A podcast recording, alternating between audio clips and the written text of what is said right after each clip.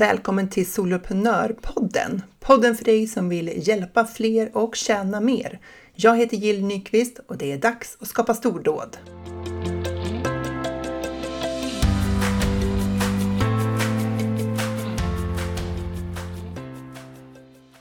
Varför är din personliga utveckling det snabbaste sättet att skapa det företag du drömmer om? Och hur kan du använda ditt personliga ledarskap för att nå dit? Eh, det här handlar om att se igenom dina egna lögner för dig själv, alltså våra egna lögner för oss själva och välja våra negativa känslor med omsorg. Ja, häng med! Den här veckan har varit en rätt lugn vecka för mig. Eh, jag har, ehm, ehm, har en del saker jag ska avsluta nu under juni så att det var fokus på, på det. Och sen har jag ehm, haft en del poddinspelningar det är så att framåt så kommer du att få höra intervjuer med mina medlemmar i Soloprenörerna om deras eh, resa att starta medlemstjänster eller om de har något expertområde som de väljer att dela med sig sin kunskap av till dig. Så att under sommaren så kommer det komma eh, väldigt mycket inspiration till dig. Så jag hoppas att du kan liksom, suga åt dig av allas resor och känna att du är, att du är på väg åt det hållet du vill ta dig. Privat så har vi haft skolavslutning.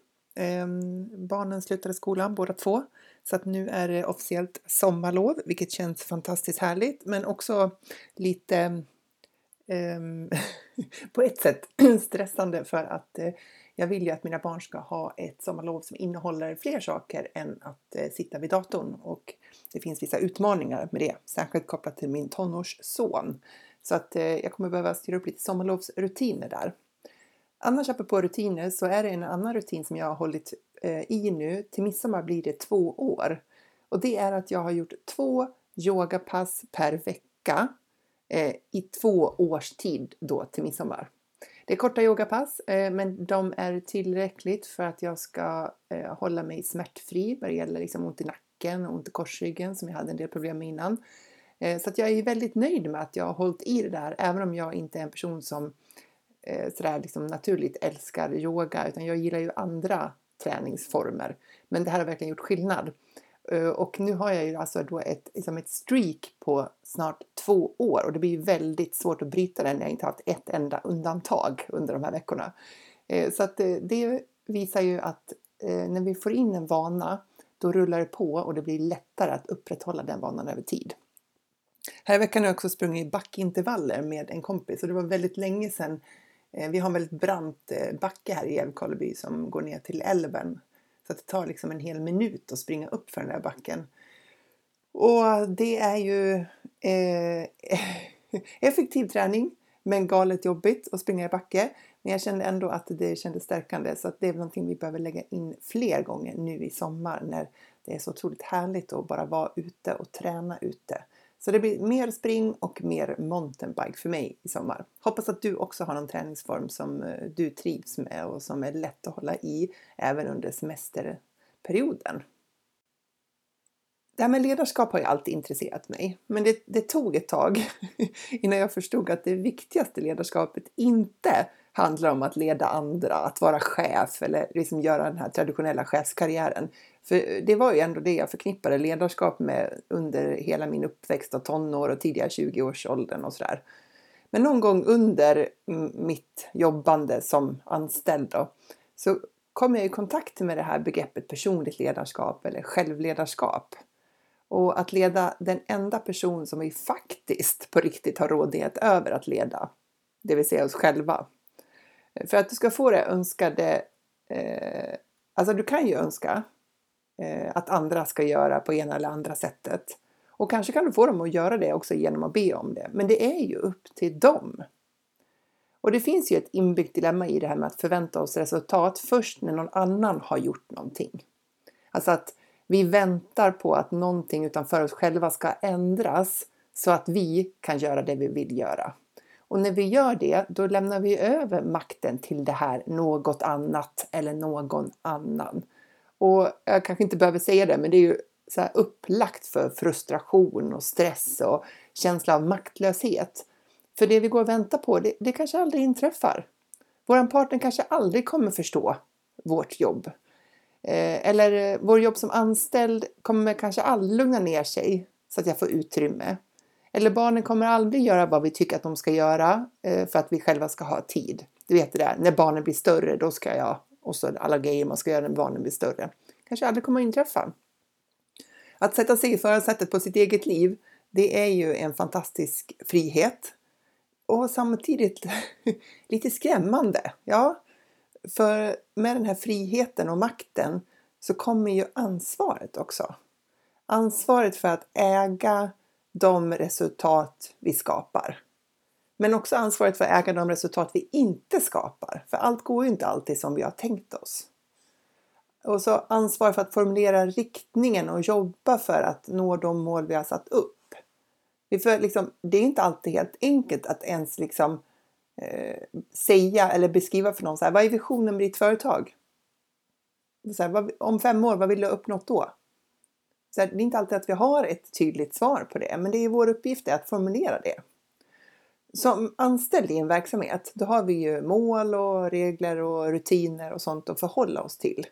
Och väldigt ofta är det också någon annan som har prioriterat och satt eller ja, givit oss förutsättningar på olika sätt. Och ibland är vi nöjda med det och nöjda med de förutsättningarna och ibland är vi missnöjda. För eh, vi kanske inte håller med om de där prioriteringarna. Vi håller inte med om de där tillvägagångssätten.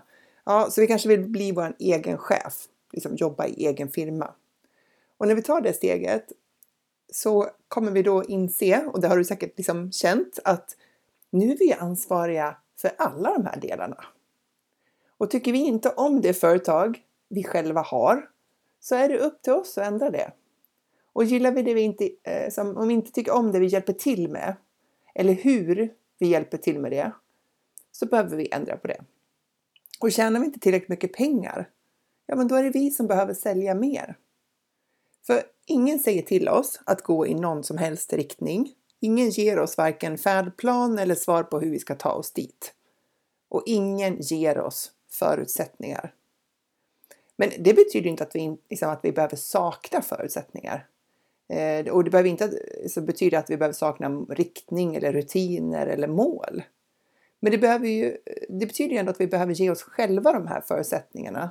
Alltså de förutsättningar vi behöver för att lyckas.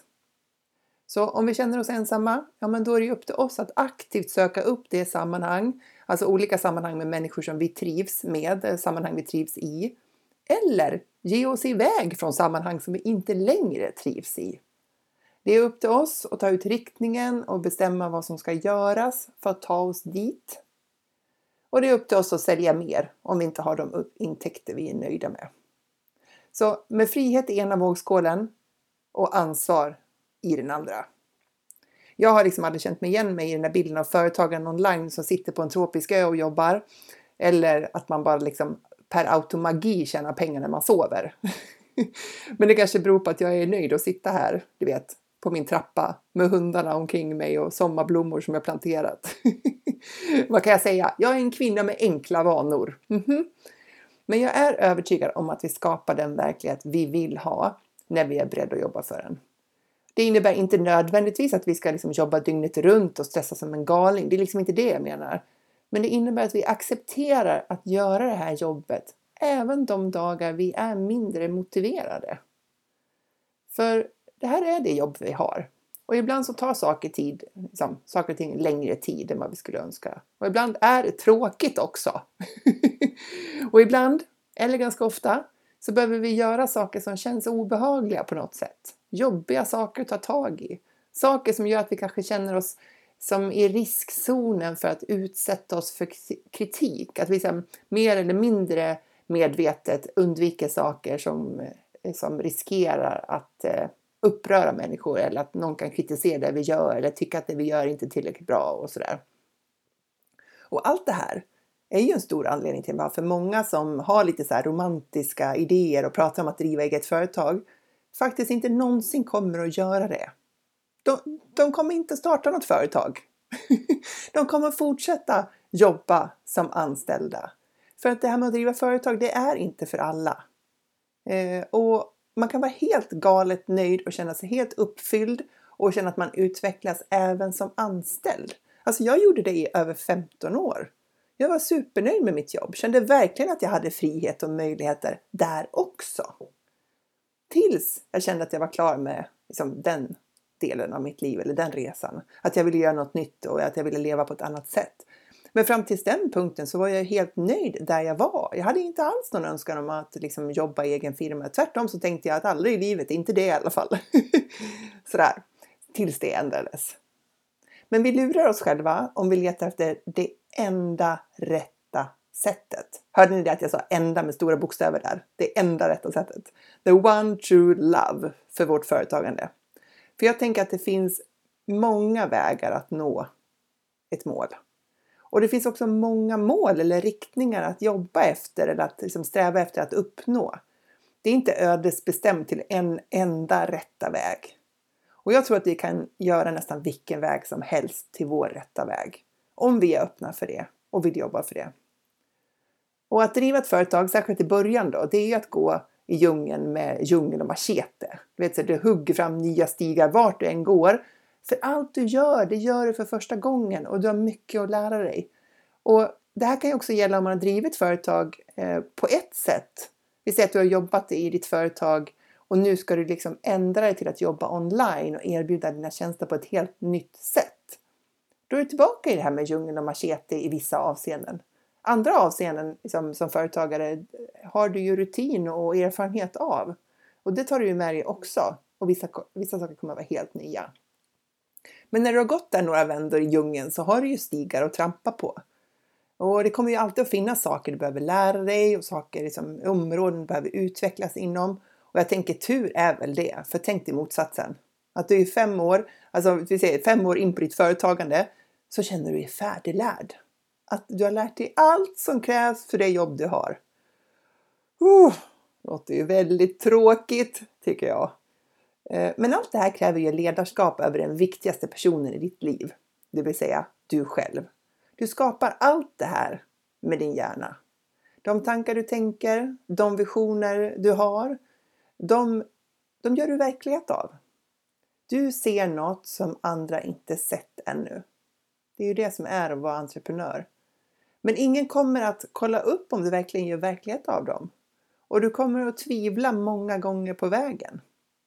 Därför behöver du ett starkt personligt ledarskap. Alltså, vad, vad, vad, vad, menar jag med det? Jag vet inte exakt vad definitionen är, men så som jag tänker det utifrån mitt perspektiv så är det så här.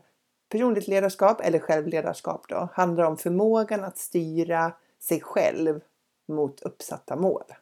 Och jag tänker att det handlar om förmåga att hålla i när det blir svårt. Förmåga att fira och hylla framgångar.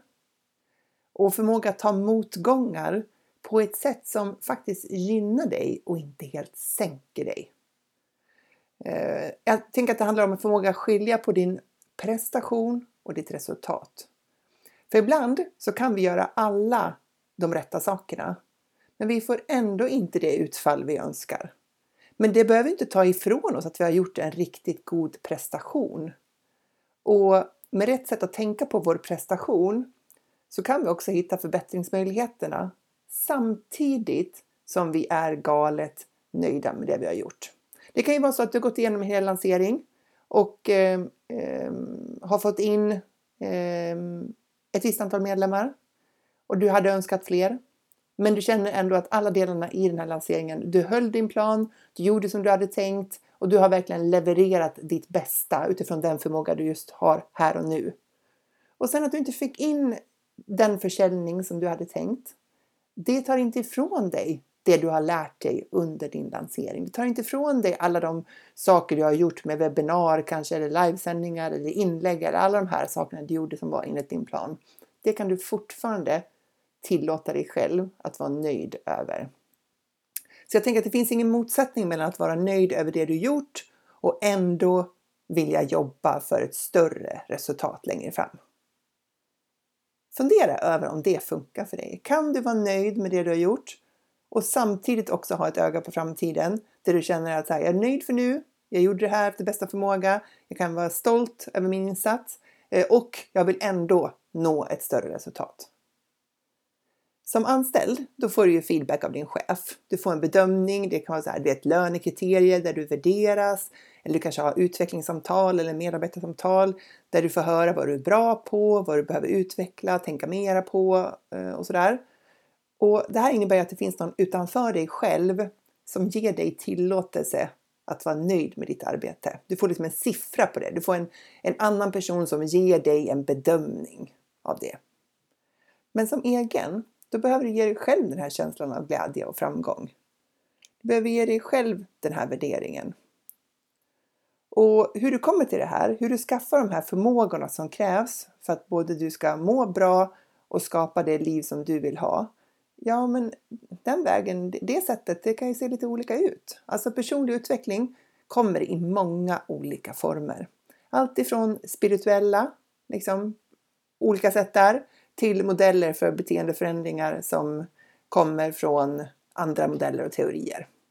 Och egentligen så tänker jag att det kvittar. Liksom. Det spelar ingen roll vilken väg du väljer.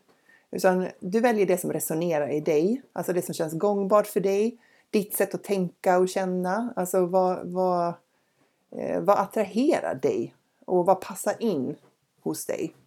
För även här så finns det ju inte bara en väg till att komma till den bästa versionen av dig själv. Det finns många sätt att jobba med personlig utveckling och det viktiga är att du gör jobbet, inte vilken modell eller metod du väljer eh, för att komma dit. Och jag utgår, alltså jag, min, eh, mitt sätt att se på det här, det är att jag utgår från att det är mina tankar som är nyckeln till framgången. Men också orsaken till mitt lidande. alltså hur jag tänker kring en situation är så mycket viktigare än situationen i sig. För situationen den är neutral. Alltså neutral tills vi får tankar om den som gör att vi, men att vi känner saker. Och det vi känner det driver vårt agerande, vårt beteende. Och våra beteenden, det är med det vi skapar vårt resultat. Så om man tittar på det här med lansering igen då. Om jag får tio nya medlemmar på min lansering, är det bra eller dåligt? Ja, det beror väl på vem du frågar. Fråga en person och de kanske tycker att det är galet lite och inte värt jobbet. Gjorde du allt det här för att bara få in 10 medlemmar? Eh, oj, oj, oj, oj, hur ska det gå? Det, det, där, det där var ju... Eh, det här är ju inte rimligt liksom. Det är ett sätt att se på det.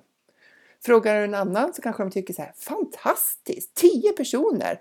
Det är ju verkligen ett bevis på att du har någonting som människor är beredda att betala för. Och med 10 personer, då kan du fortsätta att göra eh, fantastiska leveranser till dem så att de verkligen blir supernöjda och till nästa lansering så har du bra testimonials och du har ett bättre läge att jobba vidare. Så om jag tänker att det inte är värt jobbet, hur sugen kommer jag då vara på att fortsätta jobba för min dröm? Alltså vissa saker kommer jag göra och vad är det? Och vissa saker kommer jag undvika att göra, eller hur? För att jag tycker inte att det riktigt är värt det. Och vad kommer det att ge mig för resultat? Kommer jag komma närmare mitt mål eller längre ifrån när jag utgår från tanken om att det här är inte värt jobbet?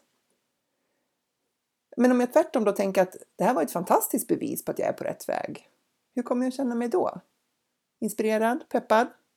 Och vilka saker kommer jag göra utifrån den känslan? Och vad kommer de sakerna ge mig för resultat? Kommer jag komma närmare eller längre ifrån? Och jag är ju övertygad om att när vi ser på vårt resultat och letar efter ett sätt att tänka på vårt resultat som faktiskt gynnar oss, som ger oss den här inspirationen, peppen, entusiasmen eller vad det är vi behöver för att jobba vidare, så har vi så mycket större nytta av att tänka på det på det sättet. För att oavsett om vi väljer att se på det här i en positiv synvinkel eller i en negativ så förändrar ju inte det resultatet. Det är fortfarande de här tio medlemmarna. Så antingen kan du se det som att det är ett bevis på att du är på rätt väg och att det här kommer gå. Eh, och så jobbar du utifrån den känslan. Eller så kan du behöva hantera dig själv när du är frustrerad och besviken och tänker att eh, det här kommer aldrig att gå. Resultatet är ändå detsamma, men du väljer hur du tänker kring det. Och vi är ju fria att göra vår egen tolkning av det. Det behöver inte vara någon annan som berättar för dig huruvida det var ett bra resultat eller inte, utan du är fri att tro på exakt vad du vill. Så välj någonting att tro på som faktiskt du har nytta av, som för dig i den riktning du vill. Så om vi vill vara framgångsrika i våra företag och vi kanske vill ha experter i vår nisch eller liksom tankeledare eller sådär då behöver vi tänka på ledarskapet. Och det första ledarskapet vi behöver fokusera på, det är ju på det över oss själva. Och hur vi tänker kring det kommer att avgöra hur snabbt vi utvecklas. Och det kommer inte, det här är så tråkigt ändå, men det kommer inte bli en resa utan obehag. Jag brukar tänka att livet är 50-50, alltså hälften positiva känslor och hälften negativa. Eh, jag hörde det i en podd någon gång och tänkte att det där är ju faktiskt ett hjälpsamt sätt att tänka. För det ingår i att vara människa att uppleva både och. Det var aldrig meningen att vi bara skulle ha positiva känslor. Även om jag egentligen skulle vilja ha det, eller hur? Alltså det är ju så mycket trevligare att ha positiva känslor än negativa. Eh, men det var aldrig meningen så. Utan det ingår i att vara människa att ha båda delarna. Och hur vet vi det då? Ja, genom att eh, faktiskt konstatera att det är ju så det är.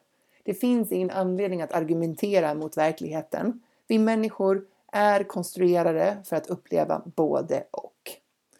Men om jag tänker att livet är hälften bra och hälften dåligt, då kan jag ju göra en mindre affär av de negativa känslorna. För de är liksom så här, det är redan förutbestämt att de kommer finnas där de också. Det är en del av upplevelsen av att vara människa. Och jag kan tänka att om jag ändå ska ha hälften negativa känslor, då kan jag lika gärna uppleva dem när jag gör någonting som tar mig framåt i mitt liv. Någonting som utvecklar mig eller som tar mig dit jag vill. Än att känna alla de här negativa känslorna när jag sitter fast, ältar det som har varit som jag ändå inte kan påverka eller rädslor som gör att jag inte ens försöker. Jag kommer ha de negativa känslorna i vilket fall som helst. Det är bättre då att ha dem när jag är på väg att göra saker eh, som för mig i en riktning som jag faktiskt har valt själv. För priset av vår utveckling är obehag. Eller man ska säga valutan för personlig utveckling är obehag. Det är, det är det vi betalar med och det är okej. Okay. Det är inget fel med det. Men vi kan ju satsa det här obehaget i någonting som för oss framåt. Och jag jobbar jättemycket med det här för egen del eftersom eh, jag, liksom många andra säkert, har ju, har ju svårt att acceptera det här med negativa känslor. Det blir ju jobbigt. Ja, och när vi gör motstånd mot våra negativa känslor så blir de egentligen bara större och mer intensiva. Så det vi vill undvika, alltså den här känslan av obehag i någon form då, skapar vi ännu mer av genom att försöka göra motstånd. Så acceptans är nyckeln, men det kräver övning. Så jag försöker öva. och det går bra ibland och mindre bra ibland. Eh, men det är okej, okay. jag tänker att jag blir starkare vartefter. Alltså det här med mental träning, det är ju som att gå på gymmet. Det är inte så att eh, eh, man går på gymmet, lyfter en skivstång eh, ett pass och sen går man därifrån och så är man jättestark i rygg och axlar eller biceps eller vad det var du tränade för någonting. Utan du behöver gå dit och göra den där övningen många gånger, om och om igen. Många gånger, om och om igen, över tid. Då bygger du styrka i kroppen. Och så gör vi med vår mentala träning också. Tankar som stärker oss och som hjälper oss de behöver vi tänka många gånger, för ju fler gånger vi tänker dem, desto lättare blir det för vår hjärna att tänka dem igen. Hjärnan är ju, gillar ju upprepning. Så om den kan hålla sig till att tänka saker som den brukar tänka, då är den rätt nöjd med det. Och då är det ju bra om de här liksom automattankarna faktiskt är tankar vi har nytta av, så vi inte liksom fastnar i ältande och eh, självkritik och sådär.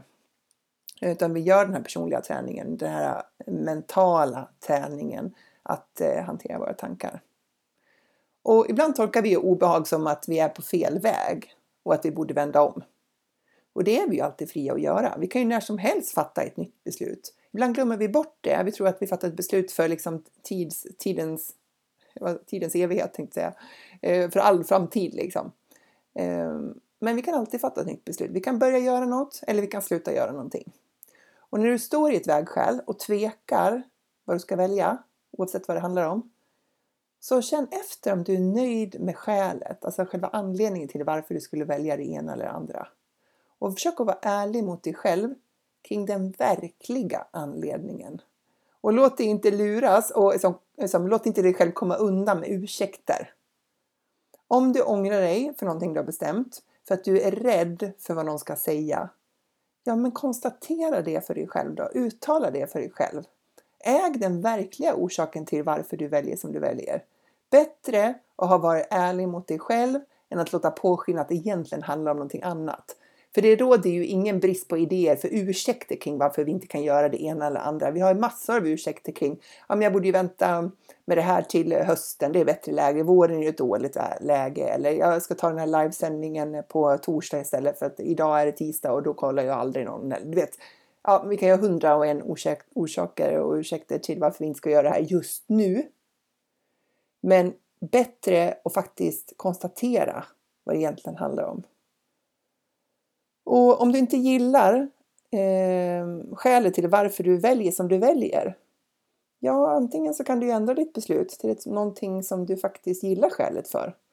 Eller så accepterar du att du inte står upp för det just nu. Men då har du i alla fall varit liksom ärlig mot dig själv och inte fört dig själv bakom ljuset och låtsas som att det egentligen handlar om någonting annat. Och den här typen av självrannsakan, alltså, den är lite jobbig. Jag har gjort en hel del av det här. Och det är inte så att man liksom, du vet, framstår i ett sånt fantastiskt dager alla gånger. Det är inte så smickrande när man tittar på sig själv och sina anledningar till olika saker och ting.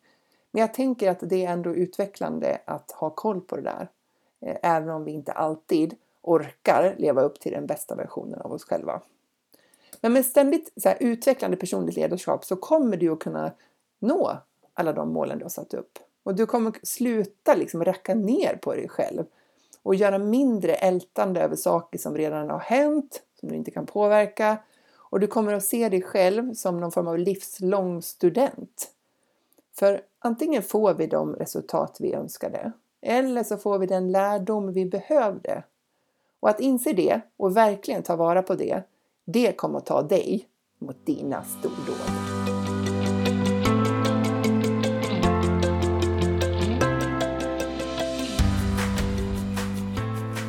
Stort tack för att du lyssnar på Soloprenörpodden. Vet du, har du koll på att på min hemsida soloprenör.nu, solopreneur.nu, så kan du både göra ett quiz för att ta reda på vilken som är din största utmaning när det gäller att jobba online.